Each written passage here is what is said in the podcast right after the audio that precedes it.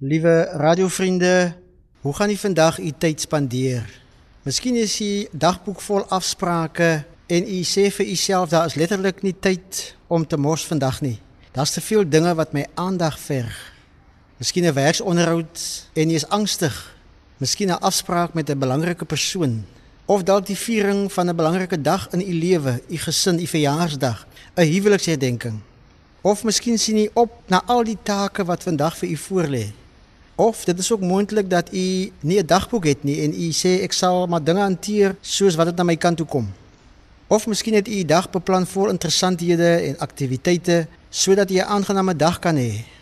In Efesiërs 5:16 sê die apostel Paulus: Maak die beste gebruik van elke geleentheid, want die dae waarin ons leef is boos.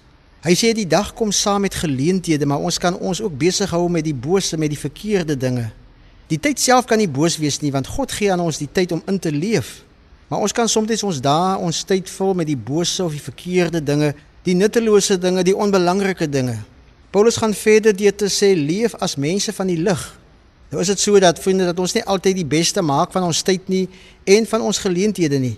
Dat ons nie altyd die regte dinge doen met die tyd wat God tot ons beskikking gestel het nie. Dit gebeur ook dat ons die tyd afjaag om alles gedoen te kry want ons is hastige mense. Ons leef vinnig, ons praat soms te vinnig, ons oordeel te vinnig.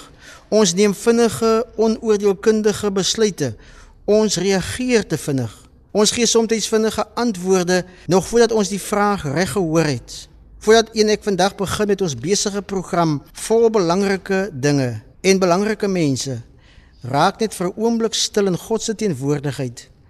Kom ons sê net vir 'n oomblik dankie Here, sommer net daar waar jy nou is. Dankie vir die kosbare tyd wat ook U aan ons vandag geleen het. Dit maak nie saak hoe vol ons program is nie, hoeveel take ons moet afhandel nie. Die tyd tot ons beskikking is aan ons geleen deur God. Dit is dus 'n geleende tyd dat ons ons daaglikse program kan afhandel. Dit is daarom dat die apostel Paulus sê maak die beste gebruik van elke geleentheid, want om vir 'n oomblik saam met God stil te word En 'n dag saam met God te begin is 'n wonderlike geleentheid en dit maak 'n reuse verskil aan ons dag.